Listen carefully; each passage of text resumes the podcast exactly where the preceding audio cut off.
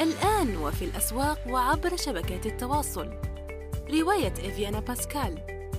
للكاتب يونس بن عمارة.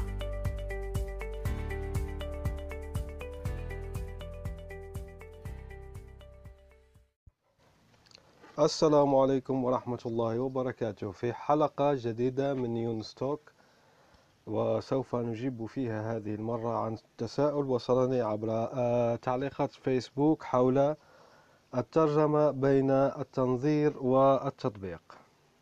تابعوا معنا. شكرا.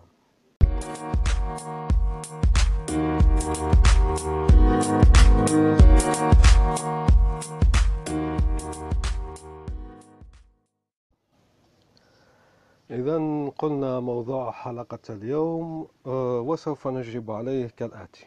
هناك أولا قصة يحكيها المفكر والكاتب المصري طه حسين الغني عن التعريف نقلا عن قصة لموليير الكاتب الفرنسي المعروف. يقول موليير في إحدى قصصه أن هناك شخص رجل يعني سيد آه، جنتلمان كما يقال له خادم والجنتلمان هذا يحب النقد والشعر والنثر وما إلى ذلك وحاول أن يشرح لخادمه ما الفرق بين الشعر والنثر. الخادم اندهش جدا عندما عرف هذه المعلومة وهي معلومة أنه كان أن الخادم كان يتكلم النثر طيلة سنوات طوال جدا وهو لا يدري ذلك. نفس الشيء مع الترجمة. الترجمة هناك الذين يمارسون على كل حال بشكل منتظم حتى الاحتراف. هم في الحقيقة يطبقون النظريات الترجمية. يعني هناك نظرية ترجمية الترجمة الحرفية الترجمة النقدية الترجمة التفسيرية.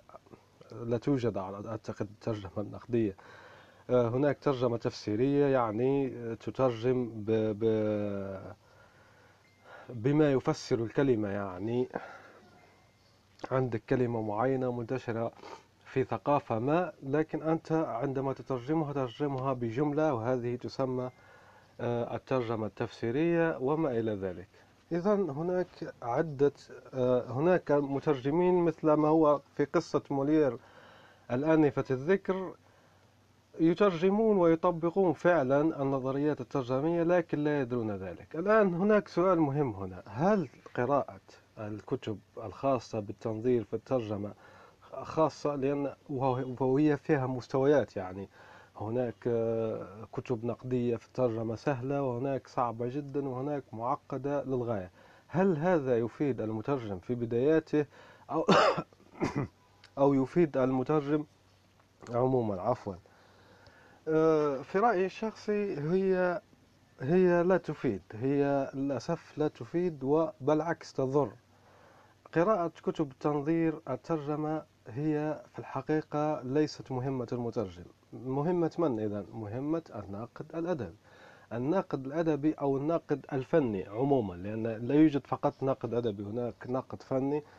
آه، إذا أخذنا بعين الاعتبار أن الترجمة عملية إبداعية فنية. إذا الناقد الفني عندما يأتي مثلا لنقل بعدة ترجمات لكتاب واحد في لغة معينة. لنأخذ مثلا كتاب سيكولوجية الجماهير آه، لغوستاف لوبون هذا عندما الناقد يقرأ آه، نظريات الترجمة وما إلى ذلك وكذا وينقد الترجمات وفقا لها هنا صحيح ومفيدة جدا وهذه هي مكانها أصلا. لكن المترجم عندما يقرأ هذه الكتب المعمقة والصعبة جدا أول شيء تعطله عن الممارسة. ثاني شيء تشككه في نفسه عفوا على كل حال آسف لهذا ال... أه تشككه في نفسه و أه هذه مشكلة لأن عندما لأن عندما تقرأ في الترجمة والتنظير ستجد الكثير جدا من النظريات والتي لا تتفق على شيء واحد. يعني ما في منهج معين أنك آه، تتبعه لتصل, لتصل إلى ترجمة مثالية. بالعكس هناك بعض النقاد الفنيين أصلا يتحدث الآن عن مفهوم موت المترجم مع أن بعض النقاد الآخرين يعني مثلا ردوا عليهم فقال لهم أن المترجم أصلا ميت يعني في العالم الغربي لم ينهض.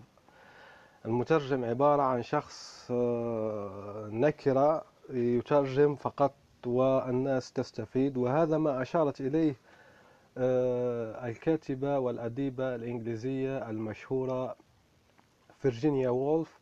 هذه عندما ذكرت يعني آه، مترجم الأدب الروسي من دوستويفسكي وغيره إلى اللغة الإنجليزية قالت أن صح أن ما كان للإنجليز الكتاب الإنجليز العظام أن يكتبوا بها بتلك الروعة لو أنهم لم يطالعوا أو يستفيدوا من الأدب الروسي الذي ترجمه المترجم الرائع. كما ترون الآن أنا المترجم أصلا نسيت اسمه. يعني للأسف المترجمين في حالة نكران من الذات ونكران للفضل ونكران لشيء معين. لذلك الناقد الذي رد على فكرة موت المترجم قال له قال الذي يقول موت أن المترجم أصلا مدفون من مدة كبيرة جدا.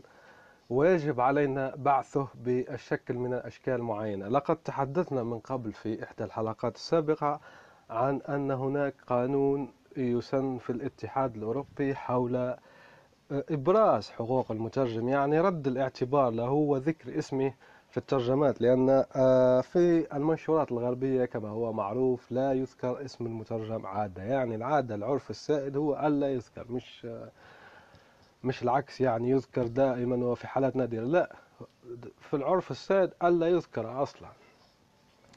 إذا نعود إلى آه، فائدة آه، قراءة الكتب النقدية وهل هي مفيدة للمترجم أو لا؟ كما قلنا هي للأسف غير مفيدة للتشكيك ولأنها آه، تفيد النقاد أكثر من ممارسي الترجمة أنفسهم. يعني لا نقول أنها هي علم بلا فائدة عموما لا عندها علم ناس معينين متخصصين في الأشياء ذيك لكن الانشغال بها يضيع عليك ممارسة الوقت الممارسة والتدريب و آه، أيضا يشككك في نفسك. وثالثا آه، العامل الثالث لعدم معناها الانشغال بها ندعو لعدم الانشغال بها هي أنها لا تتفق على شيء. لا يوجد فريم أو إطار عمل معين واضح يتفق عليه. حتى أعظم المترجمين يعني معظم معظم النقاد المترجمين المنظرين للترجمة لا يوجد. لا يتفقون على شيء ولا وكل كل خصوصية. وأصلا أيضا آه، معظم هناك عامل آخر هو أن معظم دراسات الترجمة النقدية ونقد الترجمة هي في الحقيقة تستهدف اللغات آه، الهندو أوروبية الهندو أوروبية يعني كل اللغات الأوروبية الحالية واللغة الفارسية يعني شجرة من اللغات اسمها الهندو أوروبية هي تستهدف الهندو أوروبية لكن في الحقيقة تتجاهل معظمها يتجاهل اللغات السامية ومن بينها العربية والسريانية والعبرانية.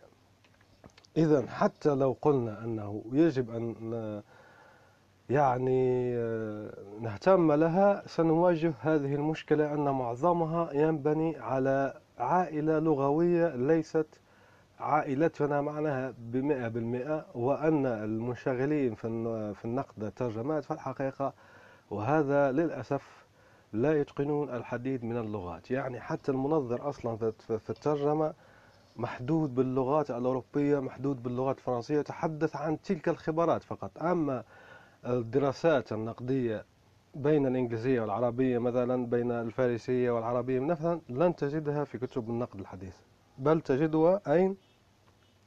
في أبحاث المستشرقين العظام ونؤكد هنا المستشرقين العظام الأوائل وبالأخص الاستشراق الألماني والروسي لأنه كما يقول إدوارد سعيد نجوا نوعا ما من الفكر الإمبريالي الاستعماري. لأن مثلا المستشرقين الذين يجدون كثيرا من اللغات ومحققون فعلا من الإنجليز والفرنسيين للأسف لديهم فكر إمبريالي استعماري آه، إشكالي شرحه الكاتب العظيم إدوارد سعيد في كتابه الغني عن التعريف الاستشراق مفيد لمطالعته وأدعو لمطالعته.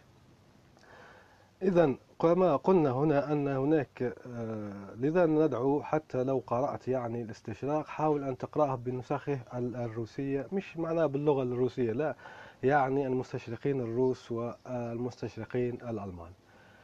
إذا آه، بينا هنا عوامل لماذا آه، التنظير لن يفيد المترجمين المبتدئين والمحترفين كثيرا وأن الممارسة والتطبيق هي الأساس وهي الأصل وهي المحك والمحتكم ومربط الفرس وبيت القصيدة كما يقال. أرجو أن أكون قد أفدتكم في هذه الحلقة اليوم. نلتقي في الحلقة القادمة في موضوع آخر. لا تترددوا بإرسال أسئلة إلي عبر فيسبوك يونس توك أو آه، مدونة شخصية مدونة يونس بن عمارة آه، على جوجل يونس بن عمارة سوف تجدونها. يمكنكم إرسال رسائلكم عبر صراحة والإيميل الشخصي سأرد عليها آه، إما بحلقة أو بالإجابة مباشرة عبر الرد. شكرا لكم مجددا. إلى اللقاء. سلام. الآن وفي الأسواق وعبر شبكات التواصل. رواية إفيانا باسكال للكاتب يونس بن عمارة.